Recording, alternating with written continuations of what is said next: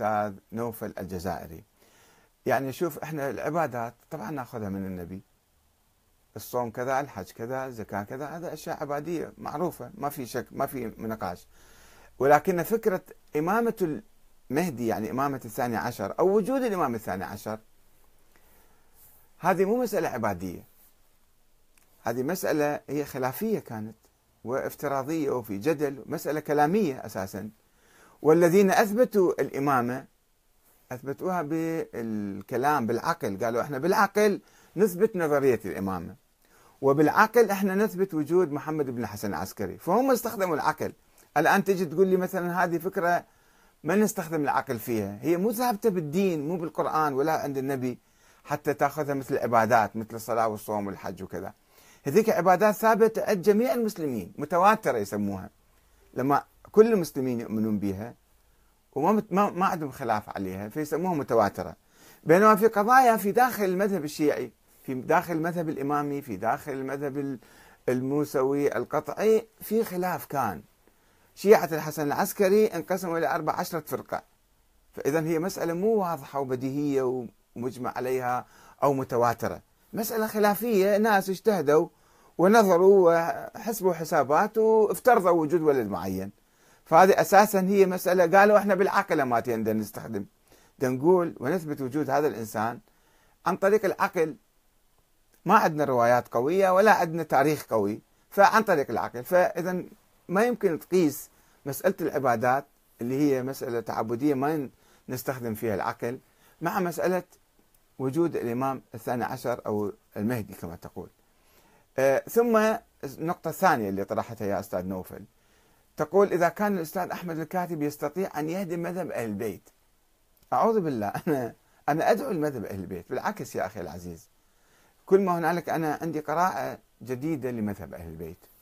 مو جديدة جديدة هي إنما أنا اكتشفتها هي مطمورة. عندنا تراث هائل من الروايات والخرافات والأساطير وهناك مذهب أهل البيت مطمور تحت هذا التراث تحت هذه الأحاديث. فأنا جيت اكتشفت أنا هذا المذهب أهل البيت مذهبهم في المذهب السياسي طبعا في في الحكم السياسي في الحكم أن الشورى هي مذهب أهل البيت وليست النص والتعيين والعصمة والوراثة وما إلى ذلك. ما كانوا يؤمنون بهالشيء هذا. وعندي كتب عديدة حول هالموضوع تطور الفكر السياسي الشيعي أول كتاب. وعندي التشيع السياسي والتشيع الديني هذا موجود وراي الآن الأبيض.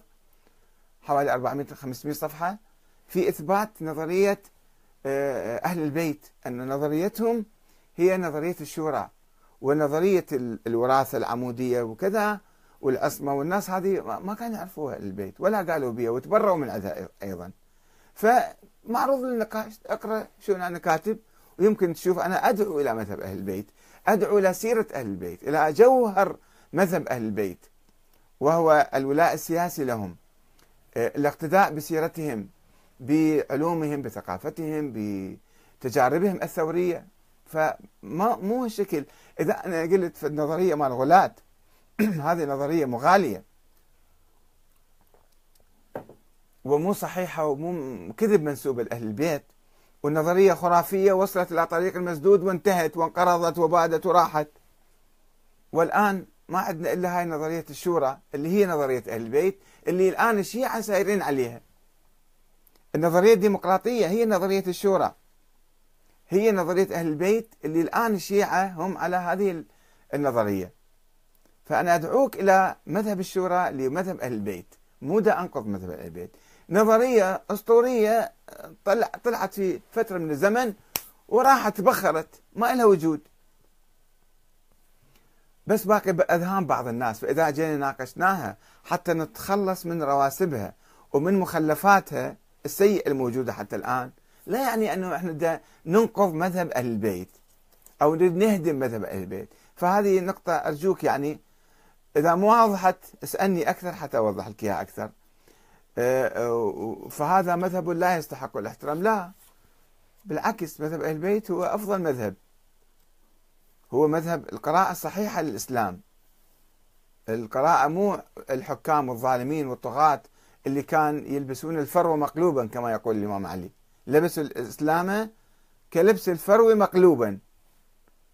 عندما أصبحوا طغاة ويحكمون باسم الله وباسم الإسلام أهل البيت كانوا يعملون من أجل العدل والحرية والمساواة. فيبدو سوء يعني بعض الأخوة ما فاهميني جيد وما قاري لي جيد. يمكن إذا واحد استمع جيد وقرأ جيد وتباحث وتحاور يمكن يعني ما يتصل عنده سوء الفهم بالنسبة لنا. أه، السؤال اللي أيضا أه، سأله الأستاذ نوفل قال سؤال يطرح نفسه لماذا هذا الإصرار على مناقشة وتفنيد أساسيات مذهب أهل البيت؟ فإحنا ما اتفقنا على أساس هذه أساسيات. هذه أشياء دخيلة في مذهب أهل البيت مو أساسيات. أهل البيت هذا أخلاقهم علمهم تراثهم ثقافتهم سلوكهم هذه مذهب أهل البيت فقههم. أما النظريات المغالية هسه تروح إلى الشيخ عبد الحليم غزي أو هذا الشيخ الثاني اللي هنا موجود تقول له والله أنا ما أؤمن الأئمة مثلا فوق الأنبياء أقول لك أو كفرت أنت يقول له والله أنا ما أؤمن الأئمة يديرون الكون شيخ علي كوراني. الأئمة ما يديرون الكون. يقول لك أوه أنت أنت مقصر. أنت ما تعرف مذهب أهل البيت. مذهب أهل البيت لازم تؤمن أن ذول الأئمة مثل آلهة أنصاف آلهة. هذا غلو إذا أجينا قلنا هذا الغلو دخيل على مذهب أهل البيت. يعني إحنا هدمنا مذهب أهل البيت أو هذه أساسيات مذهب أهل البيت.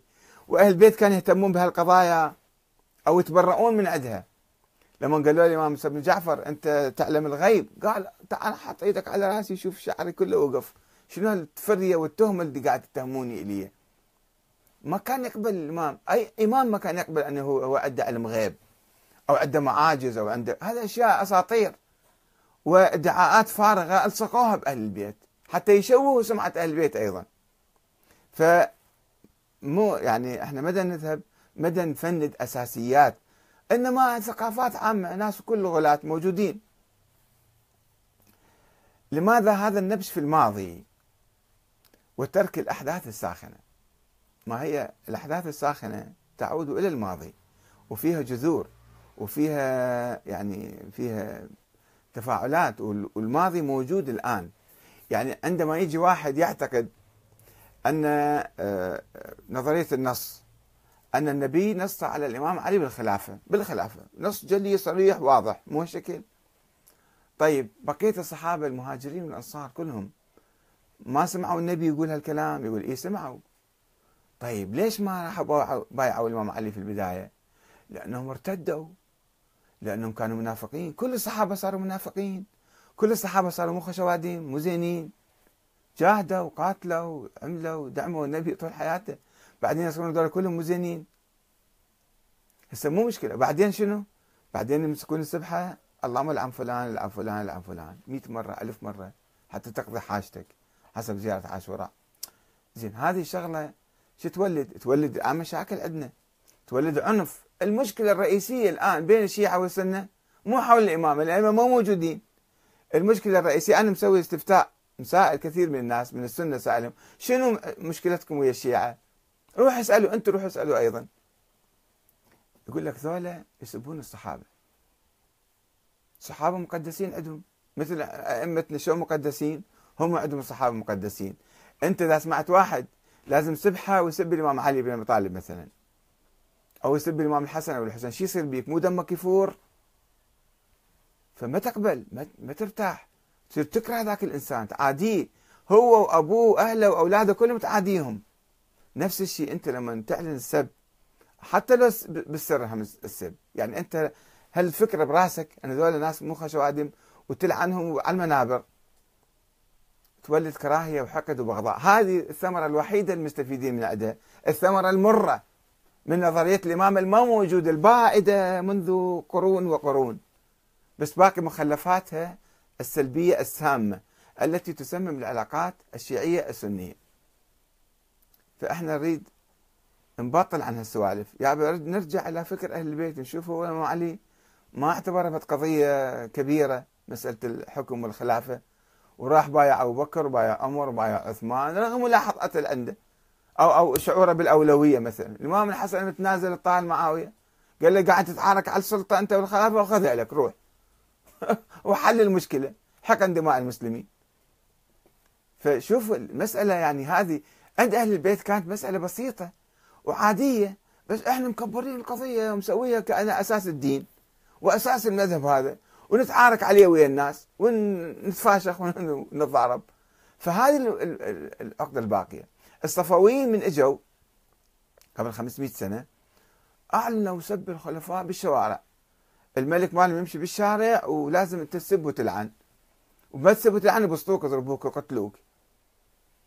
سووا موجة من الأداء ضد الشيعة موجة تاريخية من الأداء والتكفير وفتاوى التكفير طلعت من من المفتين العثمانيين ومن علماء آخرين بالحجاز وظلوا يكفرون الشيعة ويردون يشربون دمهم ليش؟ على شنو؟ على هذول الصفويين الحمقى إجوا قاموا يلعنون الخلفاء واجى بعدهم ناصر الدين شاه طبعا إجوا الأفغان قضوا على الدولة الصفوية بعدين أفغان السنة الأحناف وابادوها للدولة الصفوية. واجى بعدهم نادر شاه. قال جمع هذول أركان الدولة. قال عمي شوية خلي براسكم عقل أنتم على شنو قاعد؟ شوفوا سبب سقوط الدولة الصفوية واحتلال إيران من قبل الأفغان. هي هاي مسألة الكراهية والعداوة والبغضاء اللي عندنا. هالسب واللعن مالكم. تعالوا بطلوا. قالوا له زين. فاجى ناصر الدين شاه هذا نادر شاه آه، في أواسط القرن الثامن عشر. جمع علماء السنة والشيعة بالنجف وسوى مؤتمر قال تعالوا يابا بطلوا بطلوا من السالفة هذه. وبالقوة قنع الشيعة أن يشيدون السب واللعن ويحرموه وقنع السنة بالقوة حتى يعترفون بالشيعة مذهب خامس ويصير وحدة إسلامية. ثم فشل فشل أسباب من هنا وهناك. ف وحتى الآن حتى الآن المشكلة الرئيسية هي هاي مسألة السب واللعن ما عندنا غيرها. وهذه منين جاية؟ من مسألة النص على الأئمة. النبي نص على الإمام علي بالخلافة. وخلص. هسه إحنا لا نقدر نعيد عقارب الساعة اللي ورا ونطر خلافة لعلي من أول يوم. ولا نقدر نسوي شيء. تاريخ قبل 1400 سنة. ولا موجود أئمة من الآن ولا أحد من عندهم. بس قاعدين فت فكرة براسنا تولد آه، آه، يعني أعمال سيئة وتوتر علاقتنا مع الآخرين وتخلق الكراهية والعداوة ضد الشيعة. وخلي الناس يحاربونا ويجون يفجرون أنفسهم بينا. لأن يعتقدون إحنا كفار صرنا من وراء هذا السب والشتم واللعن. وواحد قاعد بالتلفزيون بلندن مع الدبوق ويسب ويلعن كل المسلمين يسمعهم. يابا شوفوا ترى إحنا نلعن ونسب والعلماء الشيعة الآن من السيد علي خامنئي حفظه الله إلى السيد السيستاني إلى السيد نصر الله إلى علماء الكبار. ما بطلوا جوزوا من هالسوالف حرام. ما يقبلون. هذا الخط ال ال الأحمق. ما ما يفتهم شو معنى هذا الكلام. يقلب الناس ضد الشيعة ويخلي الناس يجون يقتلون يفجرون يسوون عداوة بغضاء. شيلوا السب واللعن. شيلوا فكرة النص. ما تخسرون شيء. أهل البيت يبقون بمكانهم. إذا إحنا قلنا الأئمة مو منصوص عليه من الله أو مو معصومين ما نزلنا من قدرهم. الإمام علي باقي هو الإمام علي. حتى المسيحيين حتى غير المسلمين يعرفون عظمته وقدره وجلاله. فخلي شوية يكون عندنا عقل في قراءة التراث في الاستفادة من هذا التراث في شو اسمه يقول لا أهل البيت هو المذهب الوحيد الصحيح. مو قال لك المذهب الصحيح وليش هو مذهب أهل البيت اللي عندنا لو مذهب المراجع الآن؟ مراجع ومجتهدين من ألف سنة مسوين هذا المذهب. كم مسألة أكو عن جعفر الصادق والبقية كلهم هذا المجتهد وذاك المجتهد. ف 90% أو أكثر هي آراء رجال. أي على شنو باقي نحن نتعارك؟ لاحظت كيف يا أخي نوفل الجزائري؟ يقول بعدك يعني بعدني يعني ما فاهمك. أنت شنو؟ شوفك مرة تحكي عديل مرة تحكي عوج لأنه ما فاهم الفكرة العامة اللي نقولها شنو. لو فهمتها تعرف شنو قصدنا وشنو هدفنا. لماذا هذا النبش في الماضي؟ هو مو بالماضي هو لأنه عقيدة الآن ناس يعتقدون بها وبالتالي مسببة توتر وترك الأحداث الساخنة. أحداث ساخنة إحنا معاها يعني شنو نسوي لها ما شاء الله المجاهدين والمقاتلين موجودين يقاتلون بس النظام السياسي اللي يخرب عندنا. يعني جزء من المشكلة من الأزمة الطائفية عندنا وجزء من ضعف الحكومة لأن عندنا صراع طائفي. شلون نشيل هالصراع الطائفي؟ نذوب في بوتقة النظام الجديد النظام الديمقراطي بالثقافة الديمقراطية الإسلام والديمقراطية. فشي يصير عندنا؟ يصير عندنا وحدة. إذا صارت عندنا وحدة اجتماعية وحدة نفسية وحدة ثقافية راح نتعاون مع بعض ما نميز بهذا شيعي وهذا سني لا شيعة يميزون ولا سنة يميزون. أخوة متحابين؟ ماكو شيء يفرق بيناتنا. وبالتالي نبني حكومة قوية بلا محاصصة. هذا اللي نوصل له. وضعف الحكومة هو اللي ولد داعش. وضعف يعني الصراع الطائفي هو اللي أيضا يعني ولد داعش أيضا. صحيح الآن هدف كبير متحقق أنظمة ديمقراطية وشيعة ناهضين وحكومات بس في مشكلة بعدها موجودة التفرقة الطائفية اللي الأنظمة الخليجية والسعودية والصهيونية والإمبريالية تعزف على هذا الوتر. تريد تسوي تفرقة بين المسلمين. ما تخليهم يتحدون. مو فقط في العراق كل المنطقة العراق وإيران وتركيا وسوريا ولبنان والخليج ومصر وتسوي كراهية حتى تسوي آه، صراعات مفتعلة وبالتالي تستفيد من عندها. فلا بد أن نقضي على الطائفية يا أستاذ نوفل لازم نعمل من أجل القضاء على الطائفية. أه سعدون آه، جابر أيضا قال ما هذا الإصرار على قضية في وقت يواجه أصحابها أشرس معركة. صحيح بس مو إحنا يعني شوف إحنا تقدمنا خطوة للأمام سوينا نظام ديمقراطي. بس بقى النظام الديمقراطي آه، ضعيف وفي مشاكل وتصير هذه. فما يكون منافاة بين أن نمتن القواعد الأساسية لهذا النظام الجديد وحتى نقضي على الطائفية نقضي على الدواعش. نحن معنيون بهذه المعركة جدا ولكن نحاول أن نسد ثغرة موجودة في العملية السياسية الحضارية. يعني مو أنا ما مشارك بالعملية السياسية اليومية ولكن التحول الديمقراطي في العراق وفي العالم الإسلامي هذا مهم يعنينا حتى نؤسس لهذا التحول بقوة وثبات.